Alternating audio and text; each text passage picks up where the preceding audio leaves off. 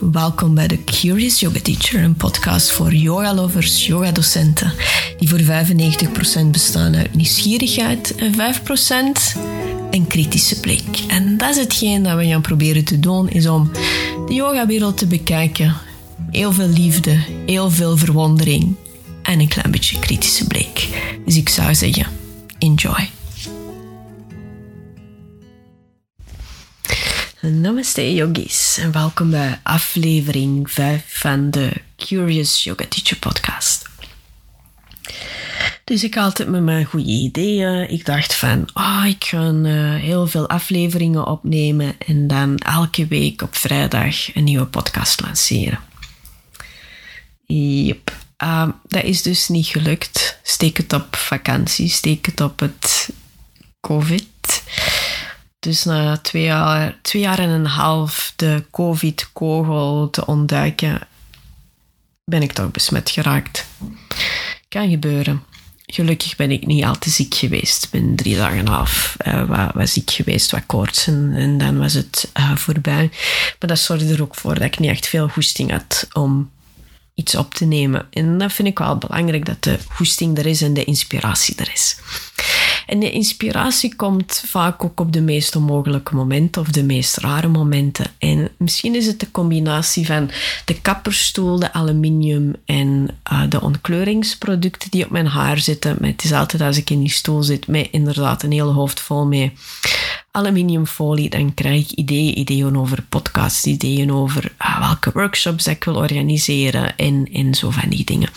Dus dat was vorige week, dan dacht ik van, oh, dit is een heel goed topic. En het topic is heel sterk gerelateerd aan, aan de vibe die er is op het moment. En ik hoor heel veel, zeker vooral in de yoga-wereld en yoga-docenten, yoga-studio's, sinds dat het zogezegd allemaal een beetje terug normaal loopt, is dat die grote aantallen, die lessen die helemaal vol zaten, die cursussen die volzet waren, de workshops waar er wachtlijsten voor waren, dat is niet meer. Het is het idee dat um, geld wordt uitgegeven aan andere dingen, aan feesten, aan plezier, aan uh, gaan eten, gaan dansen, festivals. En ook natuurlijk hetgeen dat we horen in het nieuws is niet uh, bevorderend om te denken van oh, ik ga dit kopen, ik ga dat kopen. We hebben om de wintermaanden te overbruggen. We weten niet hoe duur dat de benzine gaat worden en, en alles. Dus er is ook altijd de hele grote factor schrik.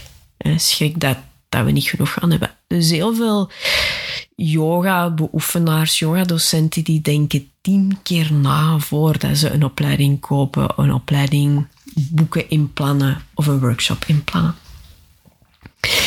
En als, zelf als yoga-docent investeer ik wel heel veel in, in opleidingen. Vind ik dat heel leuk om te blijven bijleren, zeker de laatste jaren. Heel veel online opleidingen. En ja, als ik dat zie, dan, dan ik hoor ik heb schrik, dan denk ik ook van oei. Hè, want als mensen geen opleidingen kopen, uh, krijgen of niet naar de les komen, hebben yogadocenten het ook moeilijk. En, en het is zo een bal die begint te rollen. Maar dan dacht ik van, er moet toch een manier zijn om te blijven bijleren zonder dat het duizenden euro's kost. Dus deze podcast, het is een lange intro, maar deze podcast aflevering gaat vooral over vijf tips die je kunt doen om toch bij te leren zonder dat het jou duizend, duizenden euro's kost. Ik zal eens even op een rijtje zetten. Dus de eerste tip is, duik nog eens in die doos waar dan alle cursussen in zitten. Ik denk dat we, dat we allemaal zo'n doos hebben liggen, dat we al onze cursussen in steken met het idee van, we gaan dat wel, we gaan dat nog eens lezen. Maar je grijpt eens terug naar de eerste. De eerste, zeker jouw eerste 200 uur opleiding. Heb je daar een hele dikke manual voor gekregen? Of misschien zijn er recent afgestudeerd en hadden die een heel groot online platform waar er heel veel informatie op stond. Dan zou ik zeggen van, ga eens terug naar het begin. Bekijk eens al die video's. Start nog eens met die manuals te lezen. Want het is zo dat op het moment dat je de opleiding deed, was er zoveel nieuwe informatie uit een bepaalde mindset, stond op een bepaalde manier in het leven maar je bent geëvolueerd. Dus nu bekijk de dingen op een andere manier. En ik ben er zeker van dat je opnieuw heel veel nieuwe informatie eruit gaat halen. Als je het leest, dat je denkt van, oh oh, waarom is mij dat niet opgevallen? twee jaar geleden, vijf jaar geleden. Dus door die informatie nog eens opnieuw te lezen, kan het zijn dat je positief geprikkeld wordt en denkt van, ah, dit kan ik gebruiken in de les. Ah, dit kan ik nog eens geven. Ah, juist, dat was er ook. Dus dat je gewoon eens teruggrijpt naar hetgeen dat je denkt te kennen en dan nog eens herhaalt. Wat ik dan ook heel vaak doe, is die nieuwe inzichten even opschrijven. Het idee van ah, als ik het opschrijf, dan, dan is het concreter en dan is het, is het vaster, het idee. Dus ik zou zeggen, grijp nog eens terug naar de oude cursussen. Start echt helemaal vroeger. Hetgeen dat langs, langs, langs geleden is, dat zo wat um, meer weg is in jouw achterhoofd of wat dieper naar achter is gezakt. Dus eerst nog eens teruggrijpen naar jouw initiële opleidingen. En tip 2. Tip 2 is, ga eens les volgen bij iemand anders. En daarom niemand die bij jou in dezelfde stad woont, maar ga eens naar een andere stad. Naar een andere yoga-studio, waar je nog nooit eens zijn geweest. Een docent die je misschien online volgt, maar nog nooit geen les hebt bijgevolgd. Een yoga-stijl waarvan dat je initieel denkt van, wat is dat? Is dat iets voor mij? Misschien niet, maar probeer het. En probeer er naartoe te gaan met een open blik. Want je kunt iets leren uit elke les. Ook als je naar een nieuwe yoga-studio gaat, kun je zien van, oh, hoe pakken die dat aan? Hmm, is dat wel interessant? Oh, hoe doen die de receptie? Hoe doen die dit? Hoe doen die de ontvangst? Dus je kunt ook op die manier weer nieuwe input krijgen. Van, hoe is de inrichting? Oh, van die kleine dingen. Dus nieuwe les volgen bij een nieuwe docent in een nieuwe yoga-studio en in een andere stad. En dan de derde is, zoek nog eens rond of dan er lesgevers zijn in het buitenland die online leuke lessen geven. Heel veel zitten op YouTube, maar dan blijf je zoeken. Dus als je yoga-docenten volgt op uh, Instagram, ga je zien op een website wat hebben die aan te bieden. Vaak hebben die ook heel leuke livestreamlessen. Voorbeeld ervan is ehm, de lessen die ze geven bij de nieuwe yogaschool. Dat sluit natuurlijk ook aan bij uh, puntje 2. Maar die geven bijna alle lessen ook via livestreaming. Heel professioneel gedaan.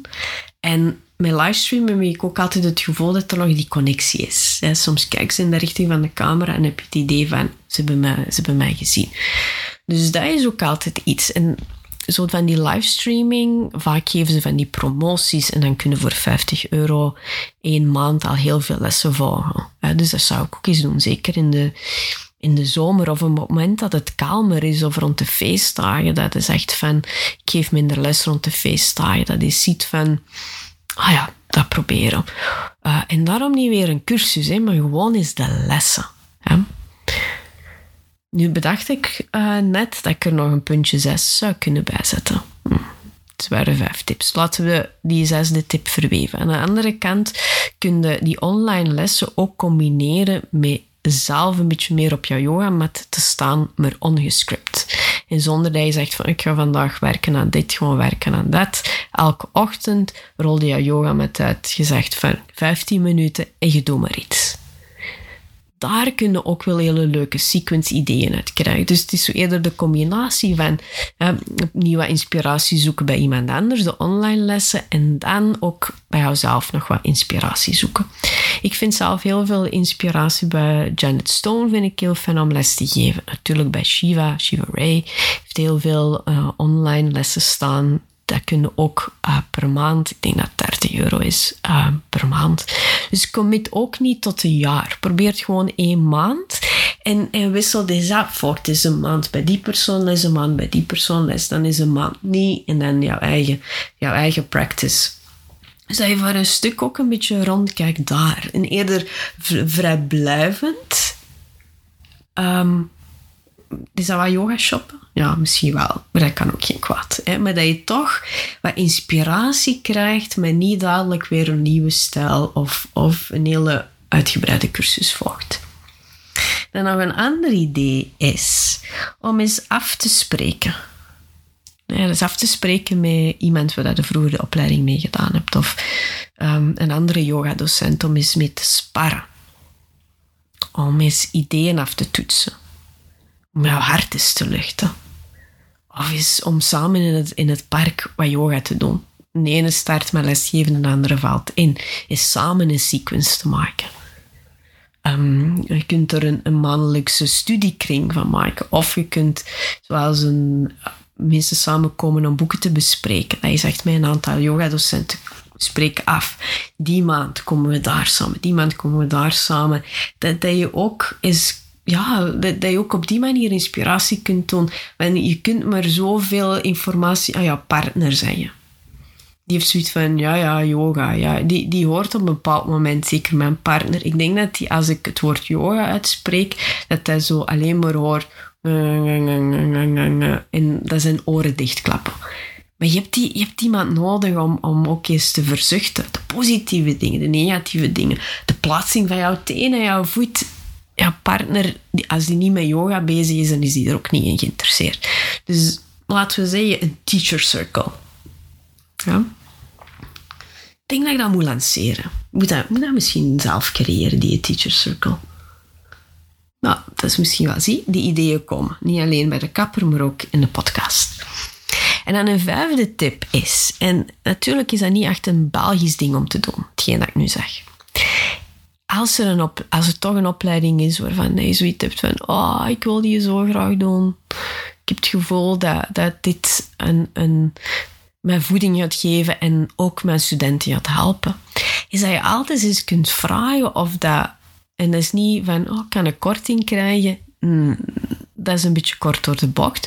Maar je kunt wel vragen van, is er een manier waarop dat ik jou kan helpen? En dan in ruil ervoor misschien korting krijg op de opleiding. Stel nu dat je vraagt van, kan ik jou helpen met het open doen van de studio, het klaarzetten van um, koffie en thee, na de, na de opleiding kuisen en alles in orde zetten. En op die manier help je iemand, want als je een opleiding geeft, dan is dat heel intens, dus dan heb je geen tijd om jou bezig te houden met, is dat in orde, is dat in orde? En dat je zegt van, oké, ik wil dat gedeelte op mij nemen. En kan er dan een soort van wisselwerking zijn? misschien ga je een tijdje zeggen van ik wil voor de social media verzorgen. Ik wil uh, in de opleiding dan foto's nemen en video's nemen. Ik wil dit doen, ik wil er reclame voor maken. En, en, maar zet dat wel op papier. Ja? Dus dat je heel duidelijk zegt van, ik wil dit doen voor jou, kan ik dan iets in de plaats doen. Dus dat je dan eens zo bedenkt, hoe kan ik op een creatieve manier toch iemand helpen? En daarbij maar help ik mezelf omdat ik iets in ruil doe ervoor. Dat is niet echt Belgisch, maar denk er eens over na hoe je dat op een, op een hele fijne, niet profiteren manier kunt doen. Ja. Niet via mail. Maar dat is nou, die persoon in kwestie, ja, het is een lesje volgt en, en gewoon is, ja, verzuchtingen zegt, zegt van, kijk, ik heb het financieel niet, niet zo uh, makkelijk op dit moment. Is er een manier op dat, dat we iets, uh, een oplossing kunnen vinden ervoor? Dus, de vijf tips om op een hele voordelige manier bij te leren is tip 1. Graaf nog eens diep en neem die oude 200 uur manual bij de hand of het de online lessen die je toen hebt gevolgd. Tip 2 is verruim je horizon en volg eens bij iemand anders les. Een andere studio, een andere docent, een andere stad. Stap 3. Kijk eens wat jouw favoriete buitenlandse yoga-docenten aanbieden qua lessen. Dat is vaak veel goedkoper dan een opleiding. En, en dan ook eens um, dan de vierde. Sorry dat ik niet verwaar. De vierde was Teacher Circle. He, spreek het samen af met elkaar. He, spaar ideeën. En dan stap 5 was van trek jouw stoute schoenen aan en vraag of dat er een manier is om um, toch een toegankelijker prijs te krijgen voor een opleiding als een soort van wisselwerking. Ja, een soort van karma yogi. Dus hopelijk heb je iets gehad aan de tips. Um, Misschien krijg ik morgen twintig e-mails met mensen die vragen van... Heel, ik wil die cursus volgen. dus ik zou niet aan twintig mensen uh, korting kunnen geven. Maar denk er, denk er eens over na. En hopelijk kan het jou helpen om toch uh, bij te leren. Het gevoel te hebben dat je... Het is, het is, oh, dit is zo dubbel, hè. We weten allemaal genoeg als yoga-docent. We, we hebben heel veel kennis, we hebben al heel veel gedaan. Maar vaak is het ook uh, zijn we ook een beetje op zoek naar een bevestiging. Vaak is een cursus volgen ook een stuk een beetje een bevestiging van zie wat dat kan. En, en sommigen willen graag dat extra lijntje op een yoga-cv zetten. Maar aan de andere kant voor mij is het ook persoonlijke groei, nieuwe input, mijn hersenen laten werken. Dat is het vaak. En dat ik merk van, dat ik weer begin na te denken over de lessen. Dat, ik, dat er zo een nieuwe wind waait door de lessen.